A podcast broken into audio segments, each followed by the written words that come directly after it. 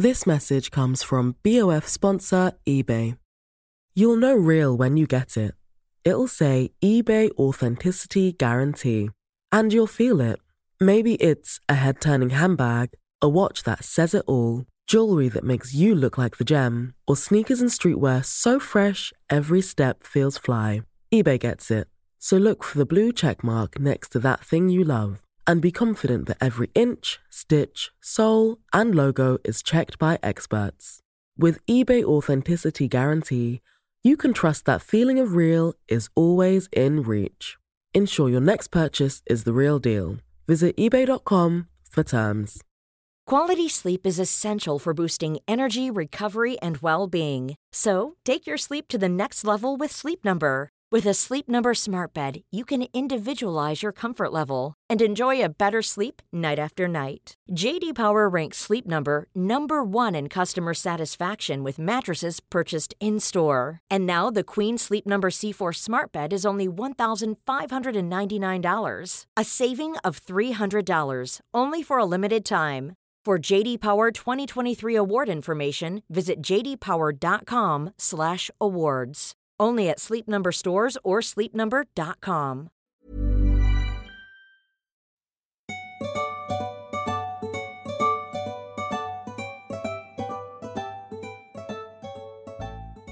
Hjertelig velkommen til en ny spesialepisode av Foreldrerådet. Her hvor jeg på fredager kan invitere hvem jeg vil, hvem du vil, og det skal jeg invitere.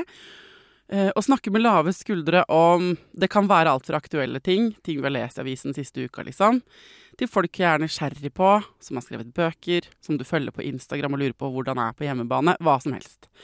Og i mange måneder så har jeg prøvd å få et menneske jeg er veldig glad i, til å komme tilbake til Foreldrerådet.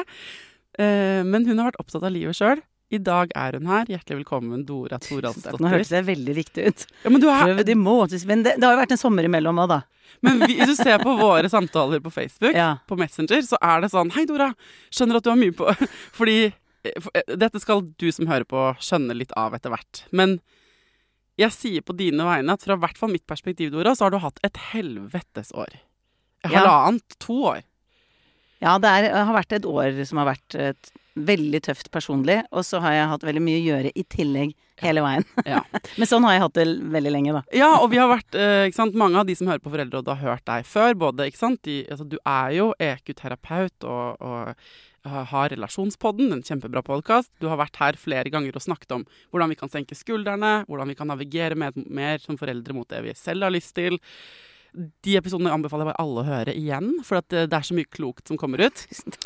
Eh, Men så har du også eh, på privaten at sånne jeg, jeg husker ganske godt, for det er ikke så Det er et par år siden, er det det? Hvor du, vi, du var gjest i Foreldrerådet. Jeg husker ikke hvilken episode vi skulle lage. Og så hadde du akkurat forelska deg. Ja. Så vi blir sittende og snakke off-air over denne store kjærligheten du hadde møtt. ja, ikke sant? Hvor lenge er det siden? To år, fire måneder og to uker. Ja, Nettopp. Eh, ja, så det nærmer seg to og et halvt eh, år. Og det var, men det, jeg tror det som var veldig spesielt, var at eh, jeg var 47, han var 52. Og det var kjærlighet ved første blikk, som er jo noe vi gjerne kanskje kan se på film og tenke det der skjer ikke. Men det skjedde med oss, at vi så hverandre på lang avstand på Bragernes torg i Drammen og skulle gå tur i pandemi en tirsdag klokka tre. Altså det er så ordinært som det kan bli omstendighetene. En vanlig tirsdag. Du kjente han ikke i det hele tatt? Du bare Nei. gikk forbi han, eller? Nei, det som veldig kort skjedde, var at vi eh, var begge single. Det var veldig kjedelig å være singel i pandemi. Eh, og så ble vi anbefalt begge to på hver vår kant. Gå inn på Facebook. Du kan Istedenfor Tinder, så er det sånn venners venner. Sånn dating Det er jo samme opplegg, altså. Det er jo datingside. Men du ser venners venner. Du ser ikke, du ser ikke dine egne ekser eller Nei, liksom nei. folk og ser fetter eller et eller annet som er dine venner. Men det er ikke sant, mer perifert. Men du kan se hvem dere har som fellesvenner, da. Mm. Og så gikk vi begge to inn samme dag og matcha med en gang. Ja. Og så begynte vi å skrive, og skrev i tre dager. Altså, us, altså sammenhengende. Helt sinnssykt mye. Og var veldig ærlige med hverandre Ja. fra starten av. Var, om alt mulig rart. Sånn at jeg følte jeg kjente han lite grann Ja. da vi skulle endelig møtes, tre dager etter at vi matcha. Og så skulle vi da møtes eh, Alle gikk jo på tur da det var pandemi. Ja, det, Det var det, vagt kjedelig. minne, egentlig. Faen, det var kjedelig.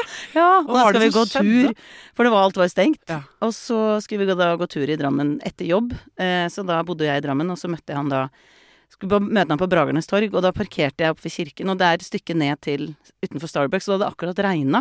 Så akkurat da jeg kom, stoppa det regnet. Og så, du vet det derre når skyene liksom plutselig trer litt til siden, og så kommer solen frem. Du kødder med meg. Nei, så det var liksom bare sånn rammen rundt. Og det var ikke et menneske, for alle butikkene var stengt. Og det hadde regna. Og det er et ganske stort torg. Ikke én person var der. Og så ser jeg bare Jan Tore eh, der nede. Og så tenker jeg der er han. Og det han tenkte da han så meg, var der er kona mi. Og det som jeg trenger å si også, som er veldig romantisk, er at han skrev en melding dagen før. 'Tror du vi kommer til å kline i løpet av daten?' Og så svarte jeg ja, det tror jeg. Men, men jeg tror det blir veldig kleint hvis den ene prøver å kline og den andre så er sånn, vet du hva, dråpesmitte. Uh, dette, Ja. ikke sant, dette er ikke lov, ikke sant. Det måtte man også rydde av veien. Ja. ikke sant, et eller annet. Så hva med å bare møtes, kysse med en gang, så er jeg ferdig med det? Og så sa han eh, ja, jeg er med. Eh, dessuten, hvis du er dårlig til å kline, så gidder jeg ikke å gå tur med deg. og da svarte jeg ditto. så vi vis visste at vi skulle gå mot hverandre og kysse. Og det høres jo helt sinnssykt ut, og det, hjertet slo jo i 150. Og, men jeg tenkte der er han, og han var superkjekk og 1,94 høy og superflott. Så jeg tenkte dette blir ikke vanskelig.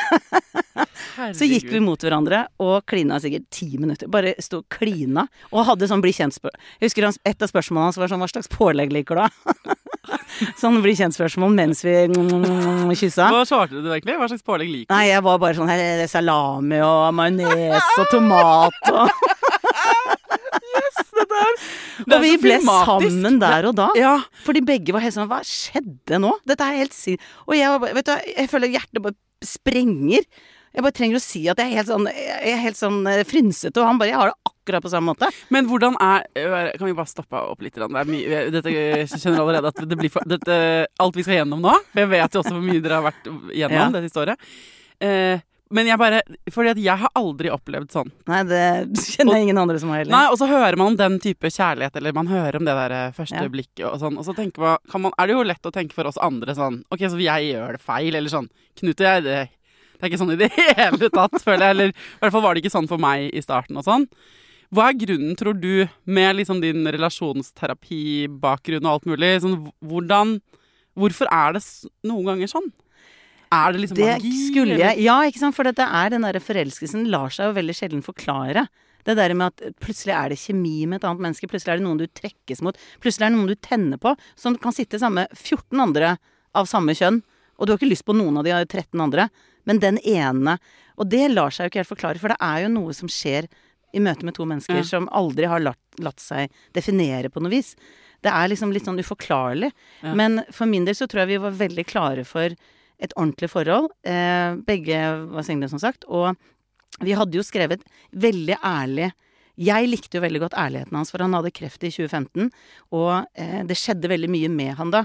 Fordi han sier at hadde du møtt meg før jeg fikk kreft, så hadde du aldri falt for meg. Nei. For jeg var så opptatt av fasade, og jeg var så materialistisk og shallow på mange måter. Og var opptatt av hva slags klokke jeg hadde, og skulle gå med riktige sko. Og det var liksom Fokuset mitt var veldig mye på å virke vellykka. Og ha posisjon og sånne ting. Så fikk jeg kreft, og sa det ikke Han var veldig sånn typisk mann som ble syk, og skulle skåne alle, og liksom gjorde det veldig lite. Så han var ikke borte en dag fra jobben. Han satt Han var daglig leder på eh, Frosch, han starta det. Ja. Og da hadde han medarbeider... Ja, og da satt han og hadde medarbeidersamtaler mens han fikk liksom cellegift og og var, hadde styremøte liksom der på telefon på sykehus og sånn. Sånn at han eh, tok ikke inn over seg hvor syk han var. Han fortalte ikke hvor syk han var, så det ble jo så ensomt. Og plutselig så skjønte han etter hvert hva er egentlig eh, Altså litt sånn klisjé, men litt sånn hva er meningen med livet? Ja. Og det gjorde veldig mye med han. Og så ble han skilt eh, rett etterpå. Og ja, ja, har vært igjennom sine kriser. Men eh, veldig sånn Jeg gidder ikke noe bullshit nå. Og fordi han var så rett på sånn Hva vil du ha ut av forhold? Hva er verdiene dine? Hvem er du? Eh, Og rene ord for penga, liksom. Ja. Fra dere begge to. Ja, vi ble sammen på første date. Ja. Det var to timer, og så måtte begge hjem og lage middag til ungene. Så så romantisk. Herregud. Og så, og så går det slag i slag. Ja. Tre og en halv måned etterpå så fridde han, eh, som eh, Og det tenkte jeg sånn, det var langt på overtid, for vi hadde jo snakka om at vi skulle måtte gifte oss. Så, men det føltes jo helt riktig, og jeg syns jo det er litt morsomt, for hadde vi vært 22, så hadde jo alle vært sånn her helt gærne, skal ikke Det der går altfor fort. Mens når vi er så voksne, så var alle bare klappa. Ja, men dere vet jo hva dere driver med, og Ja. sånn full støtte fra både barna våre og omgivelsene. Og så fant vi ut at vi ville ha hytte. Jeg har aldri ønska meg hytte. Jeg har ikke vokst opp med hytte. Aldri hatt hytte. Jeg syns synd på folk som hadde hytte før. Fordi at de må alltid dra på samme sted i feriene. Og eh, liksom pusse opp eh, hytta og male Jeg tenkte sånn, dette her er bare mas. Så traff jeg han, og så bare Jeg har lyst på hytte! Plutselig fikk jeg sånn veldig hyttebehov. så da vi, kjøpte vi tomt, og så fant vi en hytte på Hellerudsletta. Der er det sånn ferdighytter. Så bare den vil vi ha. Så da eh, bestilte vi hytte, og sånn, for vi trodde ikke vi skulle flytte sammen så fort. Så da tenkte vi da har vi i hvert fall en felles hytte. Ja. Men så fant vi da et drømmehus i Tønsberg, og sønnen min syntes det var greit å flytte, og Eh, For å være helt ærlig så var li føl livet føltes perfekt.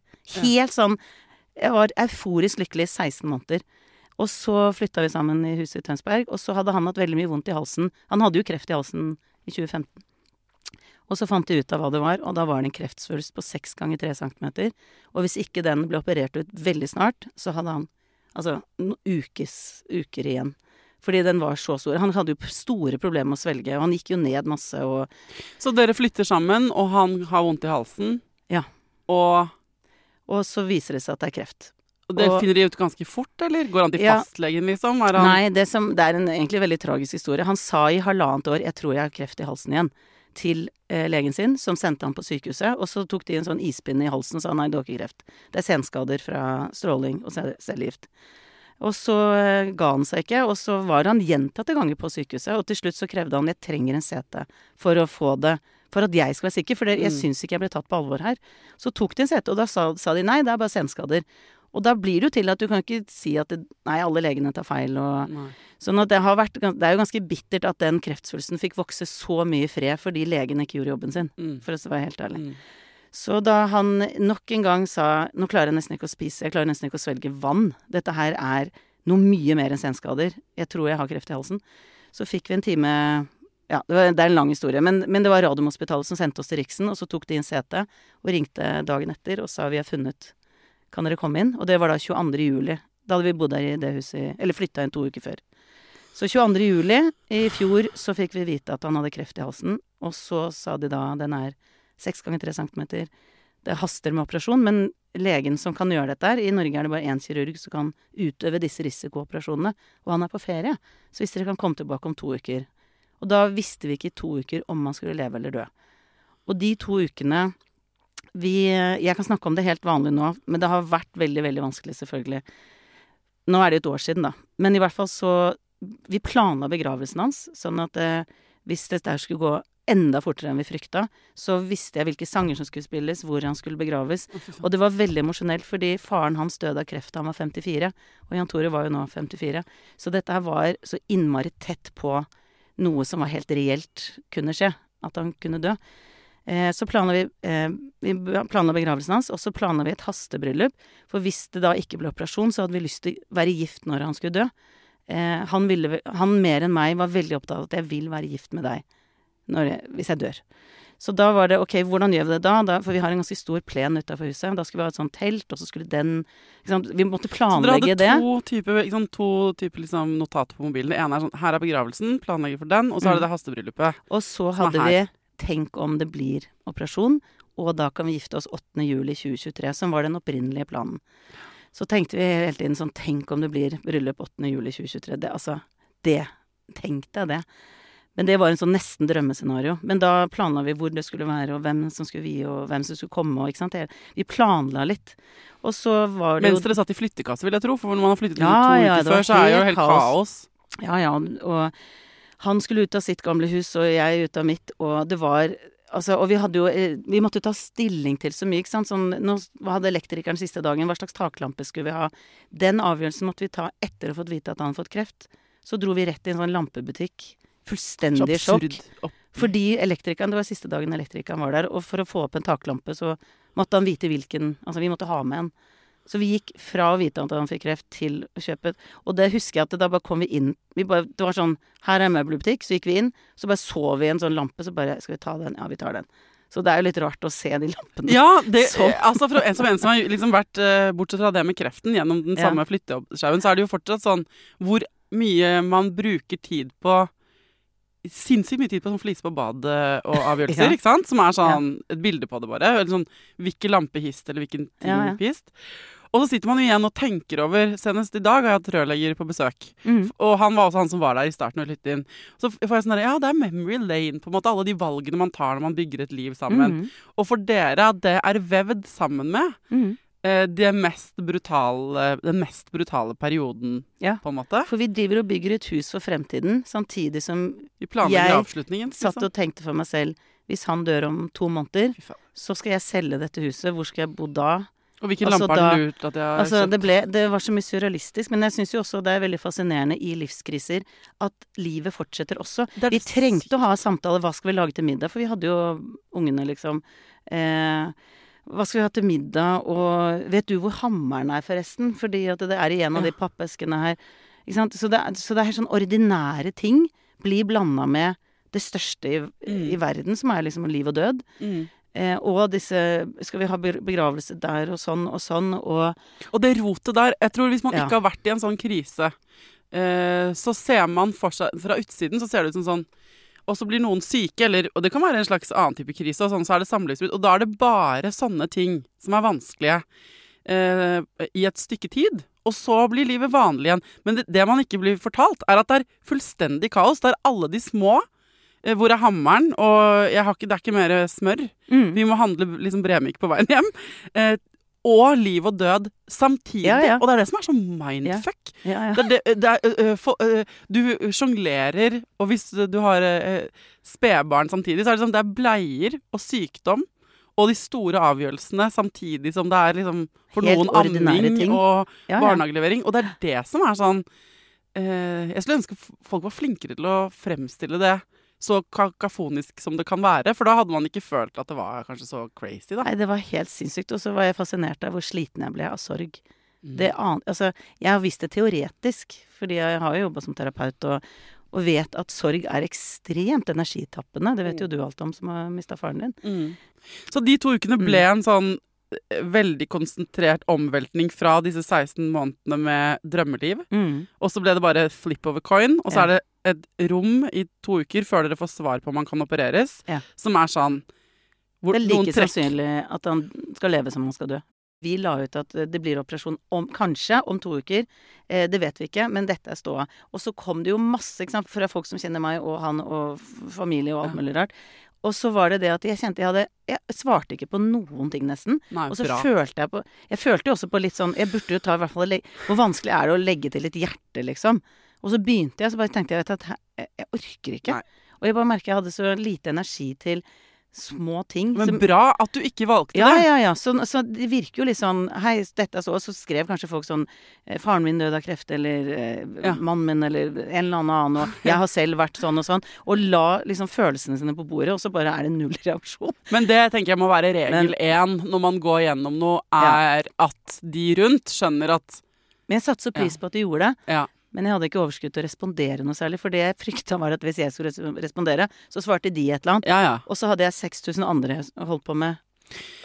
Men så dere var veldig åpne. Så, og husker, ja. Vi kjenner hverandre jo på Eller vi har hverandre på Facebook, og jeg så dette ikke sant, så sikkert som alle de andre. da Jeg sendte sikkert noen hjerter eh, til deg, jeg òg. Ja, takk. takk skal du ha. Bare Jeg satte veldig pris på det. Altså. Ja, ja, det tviler jeg ikke på. Eller sånn, det er jo, eh, og det er jo helt eh, eksepsjonelt å dele det underveis. Ofte forteller folk om ting etterpå, Mm, eh, når de kommer ut av det igjen. mm, Men det å dele mens man står med begge beina i det, det er ikke så mange som gjør. mm. Så det tenker jeg at er Det er noe veldig eh, fint og litt skummelt, også for oss som ser på, når Ja. noen gjør det. Og jeg har vært veldig overraska hvor mange som ikke gjør nettopp det. Fordi jeg hører så mange si det er veldig spesielt at dere deler ups and downs hele veien. Og det har vært sånn Det sier jo alt om samfunnet vårt. Ja. Fordi dette her skjer jo med veldig mange. Og så er av en eller annen grunn så er det noen som sier sånn Å, det er en inspirasjon at dere er så åpne og sånn. Og for meg så er jeg sånn Men er det ikke Er det, er det liksom oss det er noe spesielt med, eller er det samfunnet som skal forherlige alt det eh, Mm. perfekte hele tiden? Og alt som er annerledes og på utsida, og som er bare menneskelig, skal holdes vekk? Mm. Hva slags skrudd samfunn tror vi at vi lever i, egentlig, når vi bare får solskinnshistorier? Mm. Ja, så, så for meg så har dette her vært veldig naturlig å gjøre underveis, og veldig deilig, fordi at uansett hvem jeg treffer som kjenner meg, så vet de hvordan jeg har Ja. det. Og det er superdeilig. Jeg, trenger ikke ha noe skuespill. Jeg trenger ikke være redd for at eh, At eh, liksom nå må jeg holde Jeg må huske å holde lokk på Folk Hvis- er up to ja. speed. Så lenge de har lest Ja. Facebook-postene dine, så trenger du ikke å svare på 2000. Det er også som å sende ut sånn fellesmelding. Ja. Dette er sånn vi står nå, her er greia. Trenger Julebrev, liksom. Det. Eller skjønner du, usminka julebrev. Ja, rett men, og slett. men jeg tenker øh, eh, også du, Hvis du som hører på tenker sånn OK, jeg orker ikke det. For det, vi er også ulike, vi mennesker. Ja, ja. Noen ja. trenger å ikke fortelle noen om det fordi de har mer enn nok med å deale med seg sjæl.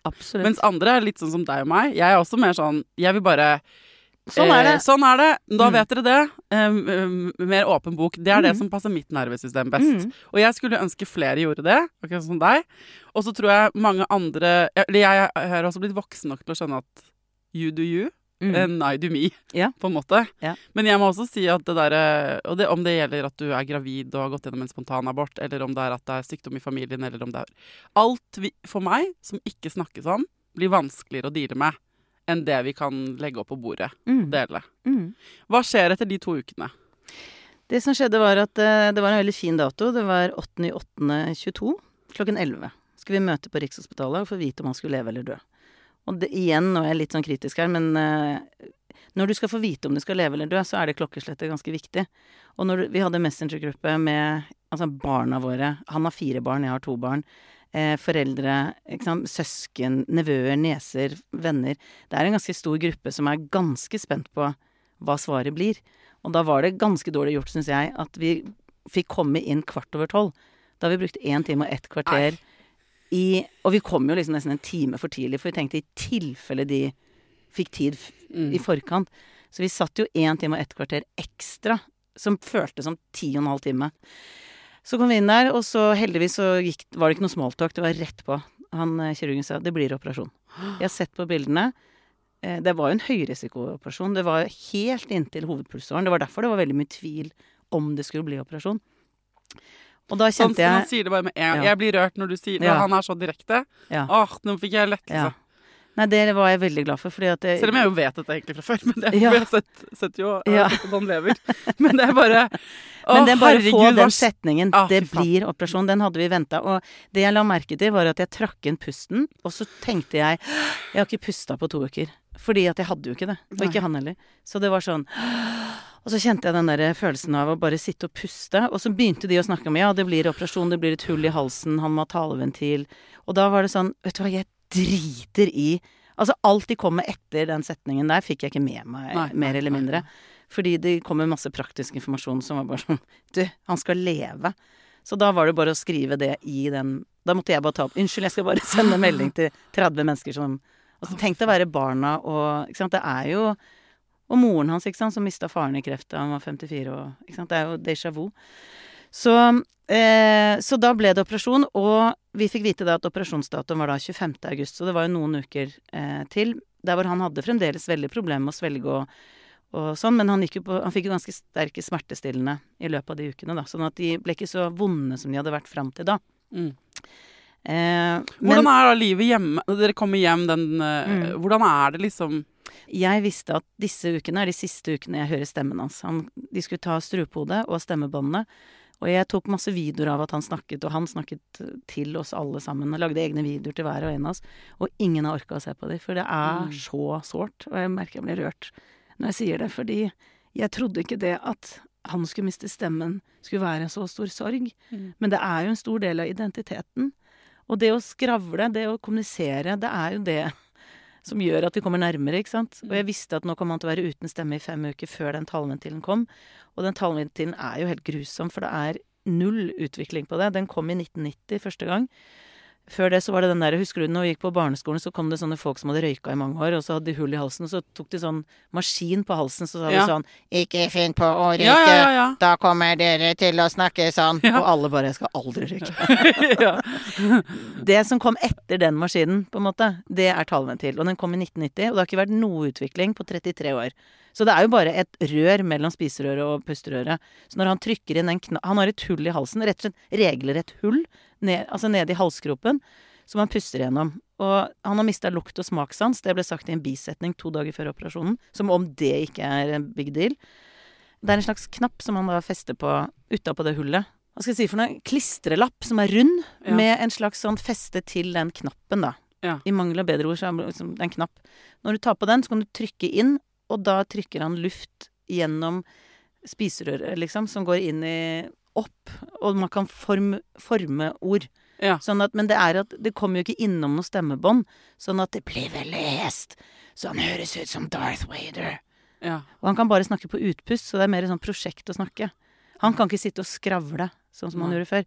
Det blir Han blir sliten av å snakke for mye, og så må det være lavt. Så han kan ikke være på fest lenger. Han kan aldri svømme igjen, for da går det jo vann rett inn i, i lungene. Så kan aldri legge Han kan ta vann opp til livet, liksom, da. Men, eh, og vi gjorde jo det i sommer, altså.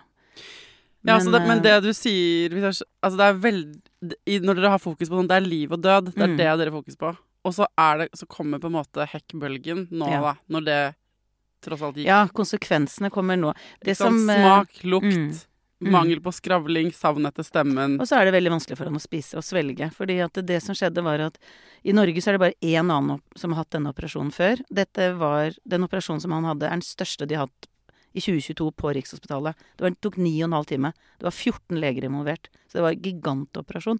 Så det er et mirakel at han lever, først og fremst, vil jeg Mm. si det. Ja. Og det er én til i Norge som har den operasjonen som han tok for ti år siden. Så han er den eneste vi kan forholde oss til. Mm. Og han sa, som vi har festa oss veldig ved, og jeg tror veldig på, han sa de to første årene er verst. Første året er det fysisk, for det er utrolig heavy for kroppen å begynne å puste gjennom et hull i halsen, og ikke Altså, han kan jo holde for nesa og munnen og puste. Ja. Det er partytriks, men det er også det. Det er ikke noe mer du får brukt det til. Nei, så At Gunne se kjenner her, godt uh, se her, se hvor lenge jeg kan holde pusten. Det er liksom Ja ja, det er i hvert fall noe. Men eh, Men det er veldig, veldig heftig, altså. Og så Og veldig sorgtungt, for det er jo fatigue inne i bildet, og Men hva sa han? at så første året er vondest fysisk? Ja, det er fysisk, så da er det jo det sjokk over at du skal drive og hoste opp slim av halsen, og du får ikke puste veldig ofte, og vanskelig å spise, og, og sosialt så er du, du er helt fucked. Eh, Mm. Mange ser rart på deg når du snakker i butikken.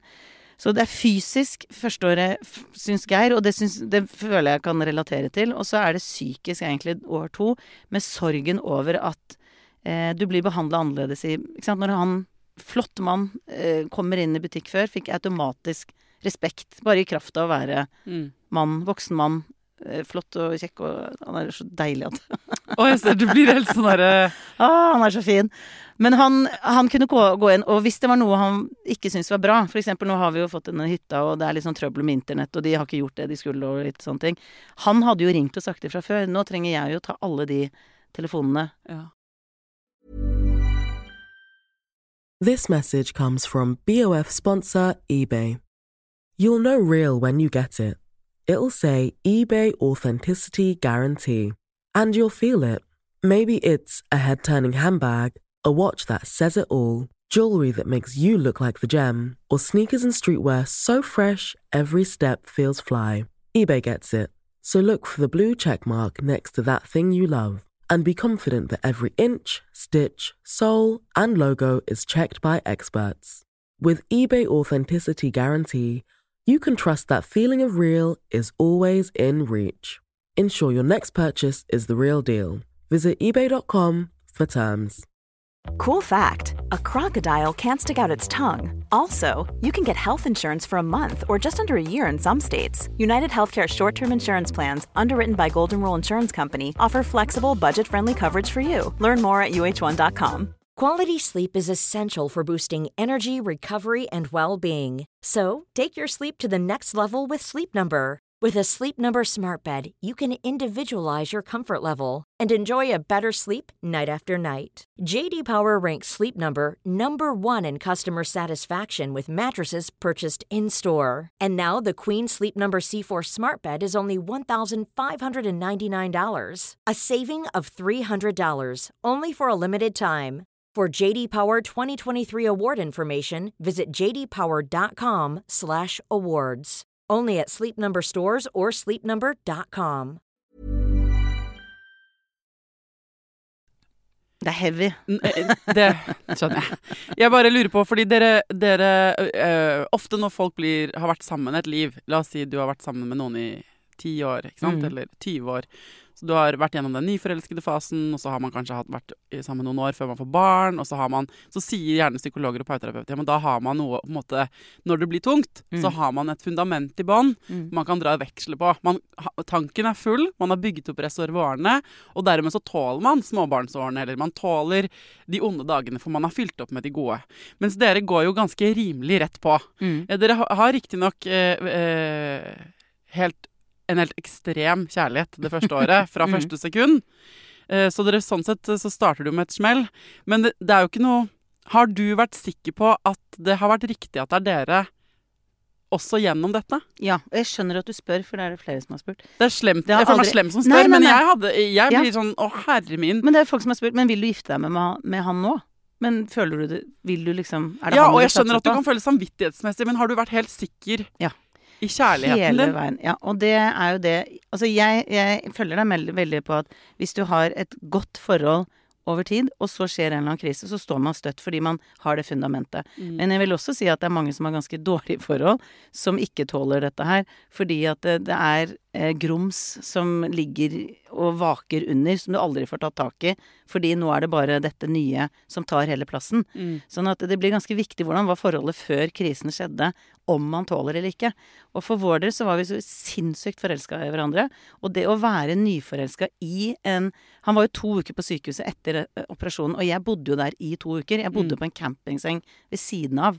Og det at vi klarte å flørte, det er jeg så stolt av oss på. At vi hadde. Vi hadde altså så mye sånn eh, Han blunka fra sykesenga, og da kunne han bare skrive.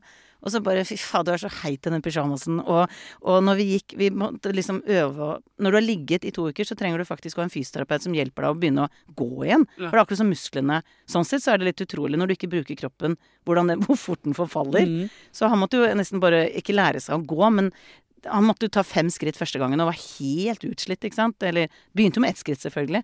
Så da gikk vi de gangene for å bygge han opp, og da liksom kløyp han meg litt i rumpa, og jeg blunka tilbake, og, og vi kyssa gjennom de to ukene og holdt hverandre i hendene hele tiden, og eh, hadde hele tiden det fokuset på at vi må aldri slutte å være så kjærlige med hverandre.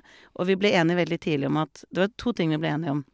Det ene var at eh, det med ærlighet, at vi trenger å være ærlige med hverandre hele veien. For hvis jeg vet at du går og gnager på et eller annet, eh, og jeg ikke får vite det, så begynner avstanden. Mm. Og nå er det jo masse du tenker, og masse jeg tenker. Vi trenger å Og jeg har jo sagt til han, min frykt er at du kommer til å være ulykkelig hele livet. Mm. At du kommer til å savne eh, det å være frisk, og det å ha energi, og, og at du blir en sånn veldig ulykkelig person som over lang tid blir vanskelig for meg å Mm. Og liksom alltid være den som skal holde humøret oppe. Det, det er min frykt. Men hvordan kan dere snakke om disse tingene når han da ikke kan snakke? For i tillegg til, altså når det Ja, ja. piker på behovet for å få satt ord på disse tingene Men vi har samtaler nå. Det er bare at det, det er ikke sånn som det var. Nei. Det er jo det som er vi, Altså, han kan jo snakke. Ja, nå ja.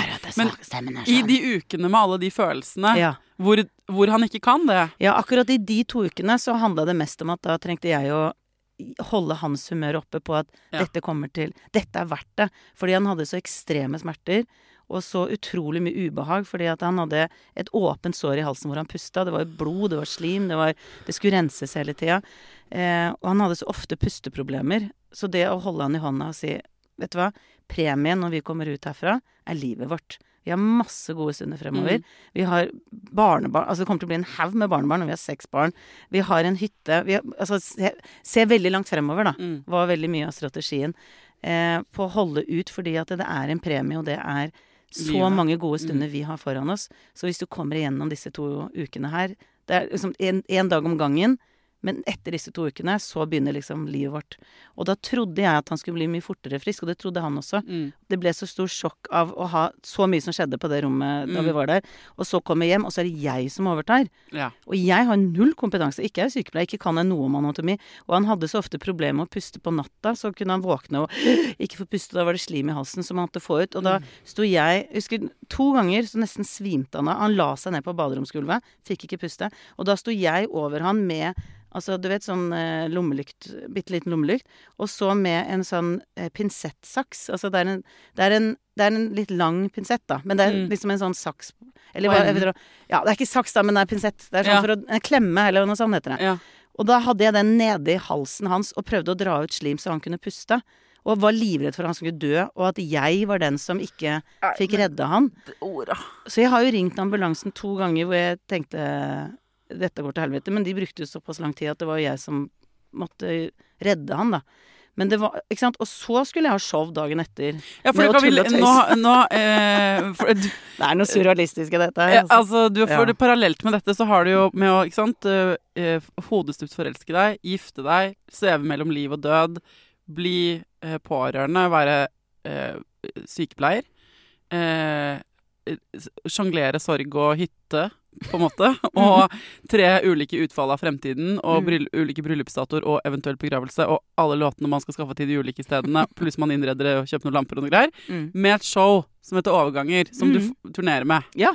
Som handler om overganger i livet, da. Eller overgangsalder. Overgangsalder er eh, det det handler om, men det er også litt disse overgangene i livet, da. Med Ja. kroppen som endres og Ikke sant? Men ja. det er jo noe, helt, det er noe annet. Det er noe helt annet. det er din karriere. liksom, å stå på scener og Mhm. være standup-komiker Jeg hadde jo foran premiere høsten 21, så det hadde jeg Og dette skjedde sommeren 22. Ja. Så jeg har jo hatt dette showet nå i to år, og har det nå fram til jul. Men parallelt med dette livet hvor du står over mannen din på baderomsgulvet og redder livet hans med en pinsett i halsen, så skal du Så vitse på scenen. Og så har jeg Relasjonspodden, som jeg kommer er- ut med to ganger i uka. Og så har jeg foredrag om relasjoner innimellom. Ja. Og så er jeg styreleder på EQ-institutt. Hvor, hvor ofte tenker, sitter du i bilen for eksempel, og tenker sånn eh, Hva i helvete? Er, altså sånn Hvor sammensatt kan livet bli? Ja. Jeg føler at det piker i sammensatthet for Ja. deg. Det er enorme kontraster. Eh, jeg tror det er flere ting. Altså, dette her er jo egentlig vært en egen episode om det å være pårørende, tror jeg. Ja, det For- skal vi la- gjerne lage. Ja, jeg at det, det er veldig mye å si, tror jeg, om det å ta vare på seg selv underveis. Eh, Jeg lurer på hvordan sjelen din klarer å ta inn og svinge mellom de største ytterkantene mm. eh, på én og samme tid. Hvor mye er du Jeg det det bevisst, er eller? ting. Jeg tror det er flere ting som gjør at det, det har gått. Eh, Det ene er at jeg jobber som terapeut, driver en skole for å utdanne terapeuter, har hatt masse terapier og rydda opp i min egen greie. For at jeg kan jo ikke læ... Jeg kan ikke få noen til å komme noe lenger enn dit jeg er kommet selv. Så jeg trenger jo virkelig å ha eh, god kontakt med mine følelser for å lære en annen enn å få god kontakt med sine.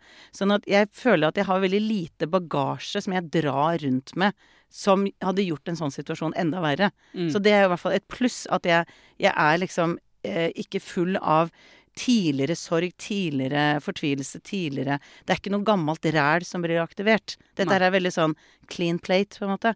Og så tror jeg at eh, jeg har vært dønn ærlig med alle rundt meg hele tiden om hva som skjer, og hvordan jeg har det. Og blitt spurt også hvordan har du det egentlig. Ikke sant? Eh, da vi har trengt å kjenne etter og tømme liksom den søppelbøtta som etter hvert har fylt seg, da. Eh, og så tror jeg også det at eh, Altså, ja, det er veldig rart å gå på en scene og drive med standup når du er i livskrise selv. Men på samme tid så er det en jobb for meg. Det er å gå ut på en scene. Jeg kan det showet. Det er 1 time og 20 minutter som jeg kan. Så det er jo på en måte bare å ta på seg en uniform og gjøre jobben. Mm. Mens alle andre, eller mange som ikke har det som jobb, da, de går jo på jobben i samlivsbrudd. De går på jobben selv om kanskje et av barna er blitt kjempesyke. Det er veldig mange som er i livskriser, som har en jobb å gjøre, og som gjør den Og litt er på kanskje- autopilot. Og så er det vel også en slags lomme med normalitet. Ja. Som eh, man av og til kan det. trenge. Og det er det som er at det er min jeg, altså Dette skjedde jo da 25. august, den operasjonen. 1. september, altså én uke senere, så begynte jo høstturneen. Og det var på Chat Noir. Jeg hadde tre helger på rad. Og da tok jeg trikk fra Rikshospitalet. Det tar 14 minutter, eksakt 14 minutter, fra livets alvor og foreldre som gikk med barn som ikke hadde hår på hodet, og du så bare fortvilelsen i syke mennesker. Folk går i pysj overalt der, ikke sant. Det er jo sykdom og alvor. Så tar du trikken i 14 minutter, og så er det sjampis, fredager og fy fader og venninnene ute på byen og, og moro og Chat Noir og fy fader og så gøy og woho. Ja. Så kontrasten var jo så stor, men utrolig befriende. Ja. Da bare tok jeg av meg liksom eh, Altså bekymringene. Men det var jo også litt deilig, for jeg kom jo da til Chat Noir når jeg skulle begynne, en uke etterpå. Hadde vært helt åpen om hva som hadde skjedd. Lagt ut på Instagram 'Dette er ståa'. Ikke Mm. daglig, altså, men sånn innimellom. Så når jeg kom dit, så sto jo Og det husker jeg var sånn kjemperørende. At jeg kom til Chat Noir, og så bare ble jeg møtt med bare sånn massiv kjærlighet med de som jobba der. Og bare kjære Tora, hva du står i, og tenk at du skal ha show midt oppi det. Og jeg bare Jeg vet det, det er helt absurd.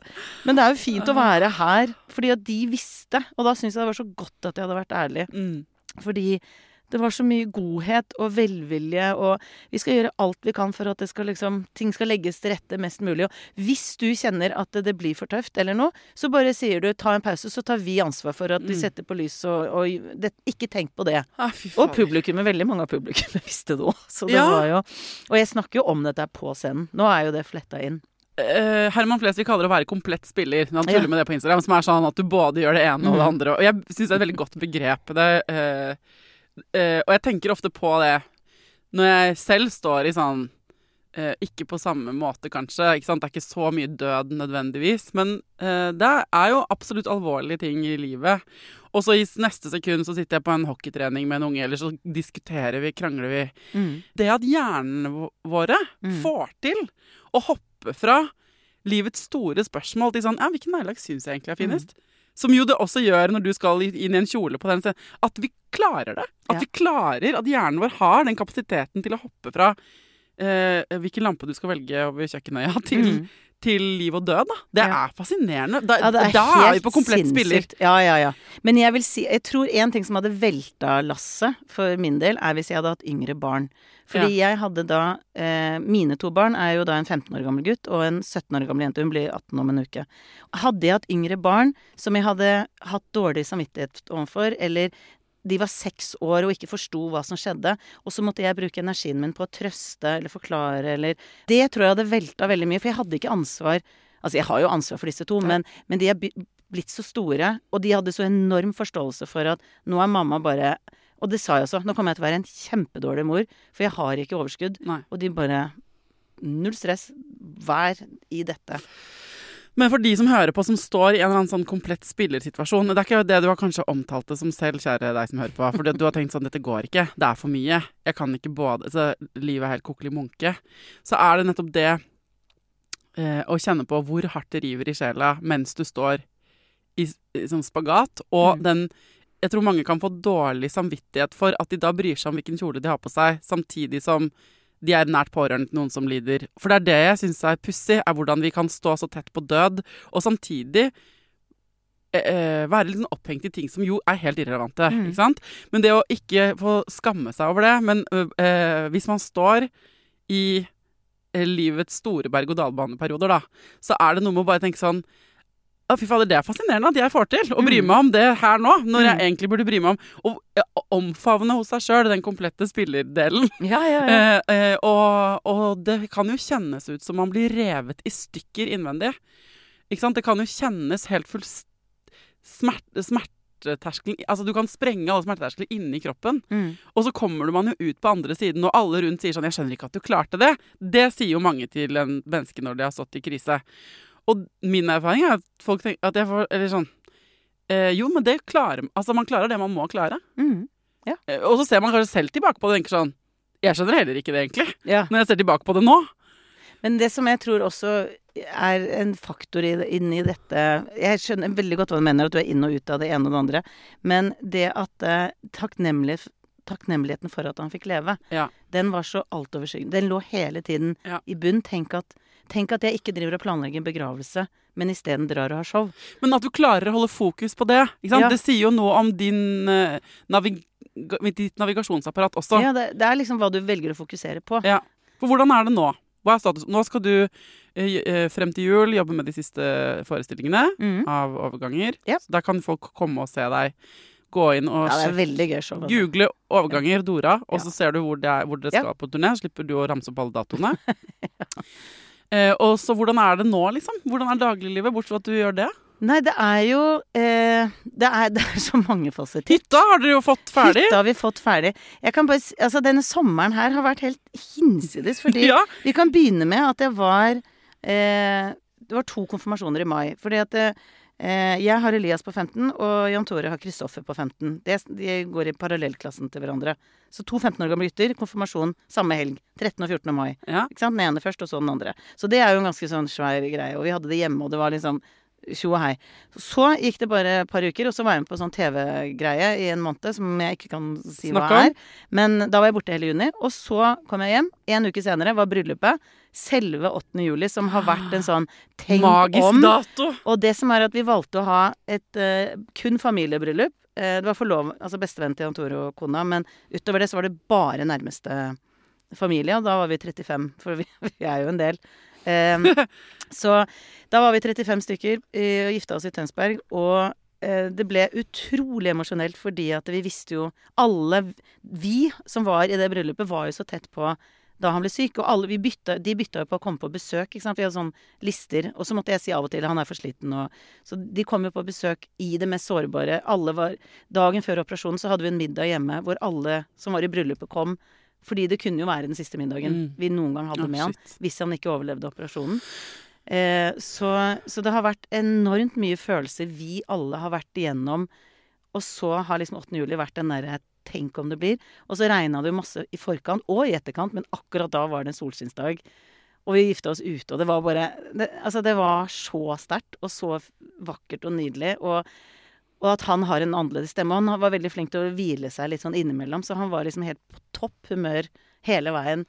Og det var bare helt sånn Jeg vil si en magisk dag. Fordi det, det var så mye rundt dette her som liksom eh, eh, Ja. Så det, det var helt hinsides. Og så eh, dro vi til Italia, bryllupsreise. Og det, vi skulle jo egentlig på en sånn cruise, der hvor det var veldig mye fokus på veldig god mat. Og det var sånn liten yacht eller ja.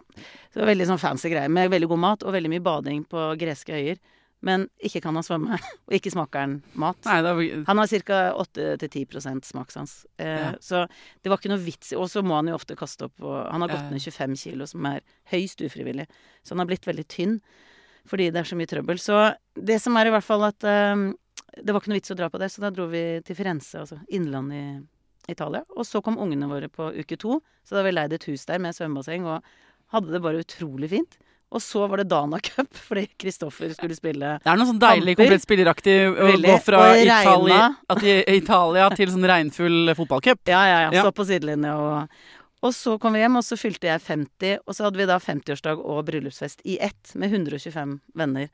Eh, med sånn overnattingsgreier. Ja, det, så det var en svær eh, fest som, som var så fin, men samtidig innmari vond på mange måter for Jan Tore, for han hadde så mange venner og tidligere kollegaer, og så i et rom med mange mennesker så hører ingen hva han sier. Mm. Så han gikk ut og snakka liksom med enkeltpersoner og sånn, men, men det gikk veldig veldig opp for oss at sosiale tilstelninger er det slutt på, rett og slett. Med oss to. Jeg kan jo dra på ting, selvfølgelig.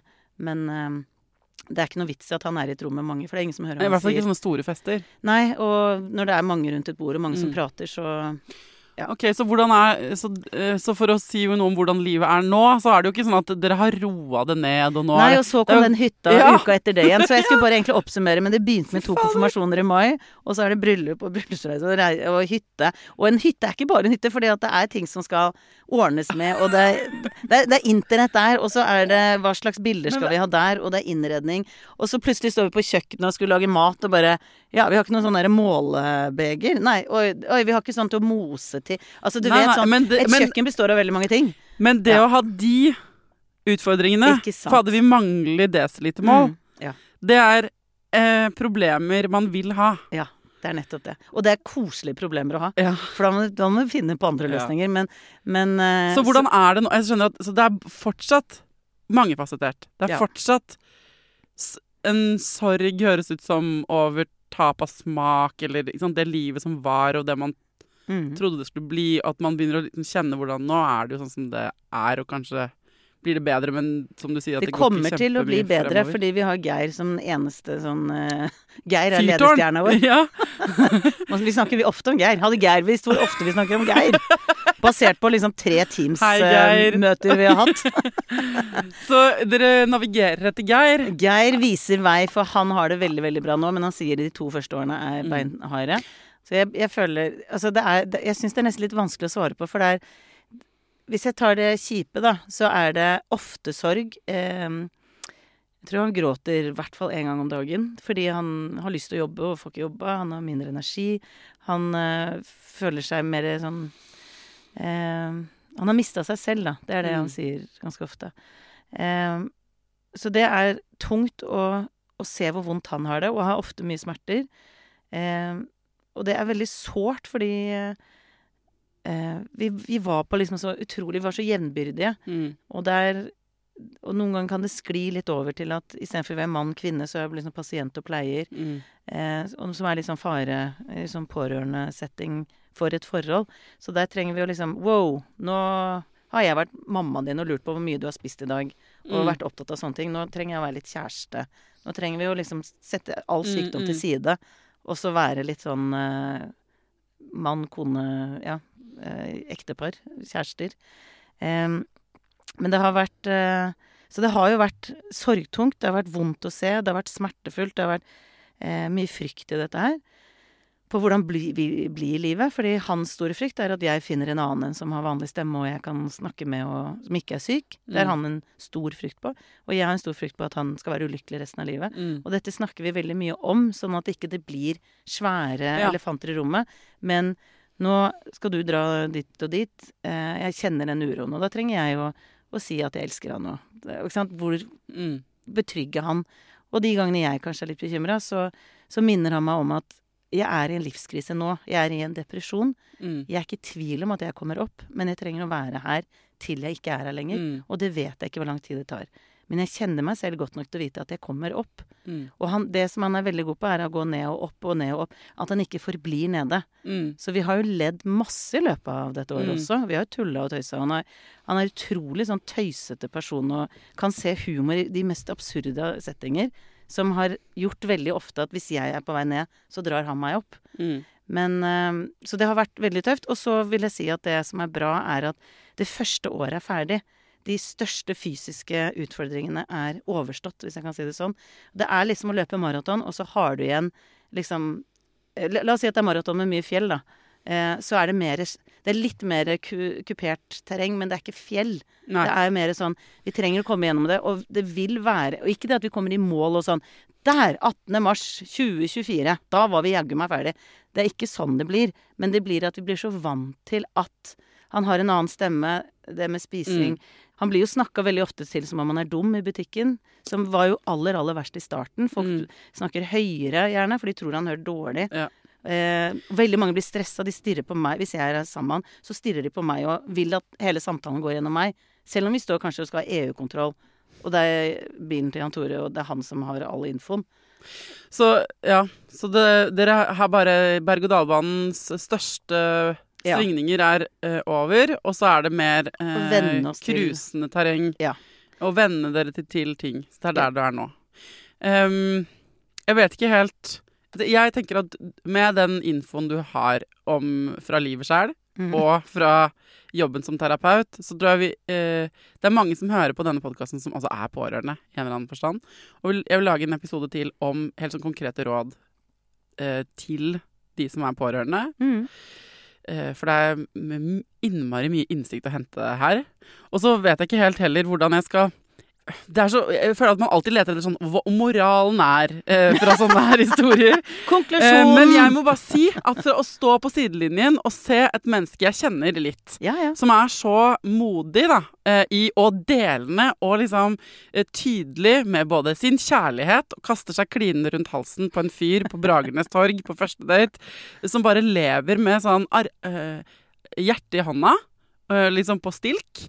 Og med null filter. Det er så sjelden vare, Dora. Og eh, ikke det, er, rart? det, er, det er At det er sjelden vare, det er kanskje det er rart. litt rart at det er rart. Ja, det er kanskje rart at det er rart, men det er sykt deilig. Ja, ja men At det er jo noen fint, gjør det. altså. Og så er jeg enig, og det, øh, jeg kan ha sånn deg inni hodet mitt av og til. Hvis jeg, for jeg kan også Jeg er jo egentlig litt sånn, jeg òg. Sånn, lever med hjertet på stilke og er veldig sånn transparent. Jeg har Mhm. transparent som hovedverdi i livet. ja, Jeg mener at livet er for kort til å ikke være transparent. Helt enig. Uh, men jeg kan bli redd, jeg òg, fordi jeg nettopp også ser at det er så få andre som er det. Så kan jeg bli skremt. Og da kan jeg, uh, hjelper det meg at du sånn Hva ville Dora sagt? Hun ville sagt sånn Bare meld deg. Bare si det. Ja, ja. det er, ikke sant? Hva har du å tape? Ja, ikke sant? Ja. Så eh, hvis du som hører på trengte én grunn til å være litt ekstra transparent denne helgen, eller fokusere sånn, gi, eh, gi litt faen i et eller annet du burde skulle ha gjort. Én un hvis, du hadde, hvis du trengte en unnskyldning for å si nei til et eller annet du ikke er keen på å være med på, eller Mm. fokusere på et eller annet eh, koselig og unødvendig du kanskje ønsker deg, så er eh, Det er alltid god grunn til det, men dette her, Dora, er en veldig god grunn til det. Det var Ja, og kan vi være flere i denne klanen over transparens? Jeg jeg vil kan få- verve flere medlemmer Og jeg kan komme et argument. Ja. Et argument for nettopp det er at det veldig mange ikke er klar over, er hva er limet i en relasjon mellom to mennesker? Vet du hva som gjør at man binder seg til en annen person? Nei. Det er når man deler det som er på innsiden. Og det er derfor vi kan ha en du jobber med i ti år, og så slutter personen, så tenker du jeg vet jo egentlig ikke hvem han er, Nei. eller hun er. Og så kan det komme en ny kollega, og så bare tenker du herregud, jeg føler jeg har kjent deg hele livet. Det er fordi at du forteller hva som Og det trenger ikke å liksom være de mest sårbare ting. Det kan være at eh, jeg blir så godt humør ja, når det er sol ute, og eh, jeg blir så glad når jeg ser på friidrett-VM. Det, det gir meg så mye. Ja, ja. Men da sier du noe om innsiden. Hvis du bare er på nyhetene og eh, nå er det mye regn ute, og nå Og utelater deg selv og dine følelser fra Ja. alle ting, så får ingen kontakt med deg. da får, da får du ikke nære relasjoner med Nei. noen. Så det er jo et argument for å være transparent, som Yes. du sier, eller dele, er at andre kommer nærmere deg. Mm. Og det er veldig misforstått at vi tror at vi må fremstå veldig perfekte for at folk skal like oss, og så er det det motsatte som skjer Det det. når vi setter ord på at jeg føler meg litt hudløs om dagen. Jeg vet ikke hva det er. Det er akkurat som jeg er sånn supersårbar og tåler veldig lite. Da, Da da er jo- folk så lette bare, å elske. «Åh, Du, jeg kan relatere Mm. til deg. Jeg kan fortelle Mm. deg om mine ting. Mm. Så det gjør at vi kommer nærmere. Og det er jo Hvis noen trenger en grunn, så er det faktisk en veldig god grunn. At Ja. eh, relasjonene dine blir bedre. Og ikke minst til deg selv, for da er du en åpen person som eh, ikke driver og spiller noe spill. Og så har vi dette ene livet, folkens. Det er ingen av oss som vet hvor lenge det varer. Vi vet ikke hva som skjer rundt neste sving. Vi lever Vi pakker oss inn i vatt og tror at vi skal ha kontroll på det hele. Både, eh, både liksom fysisk og sminker det vekk, alderdom og alt sånn. Men vi vet faktisk ikke noen ting om verken hvorfor vi er her, eller hvor lenge vi får her.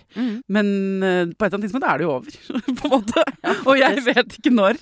Så det er liksom bare Men da er de relasjonene i livet ditt nære, og de vet hvor du er og hva som foregår. mm. Og det tenker jeg, og det har blitt forska på også. Hva er det som skal til for å ha et godt liv? Jo, gode relasjoner.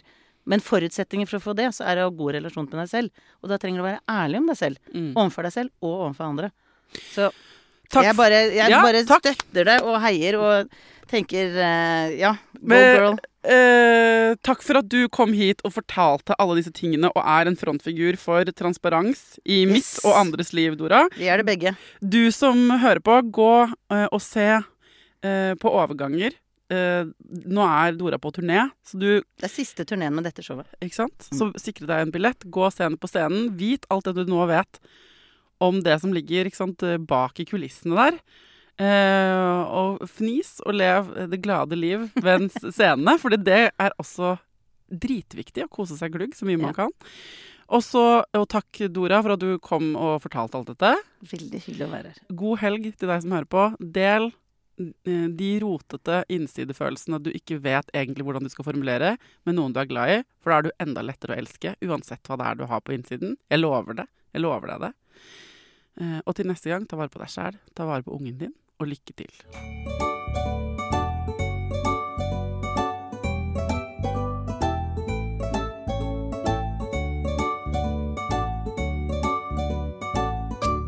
Produsert av Klinge.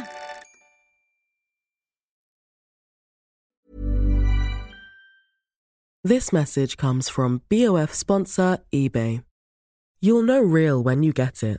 It'll say eBay Authenticity Guarantee. And you'll feel it.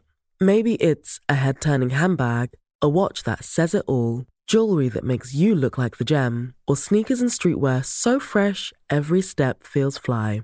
eBay gets it. So look for the blue check mark next to that thing you love and be confident that every inch, stitch, sole, and logo is checked by experts. With eBay Authenticity Guarantee, you can trust that feeling of real is always in reach. Ensure your next purchase is the real deal. Visit eBay.com for terms.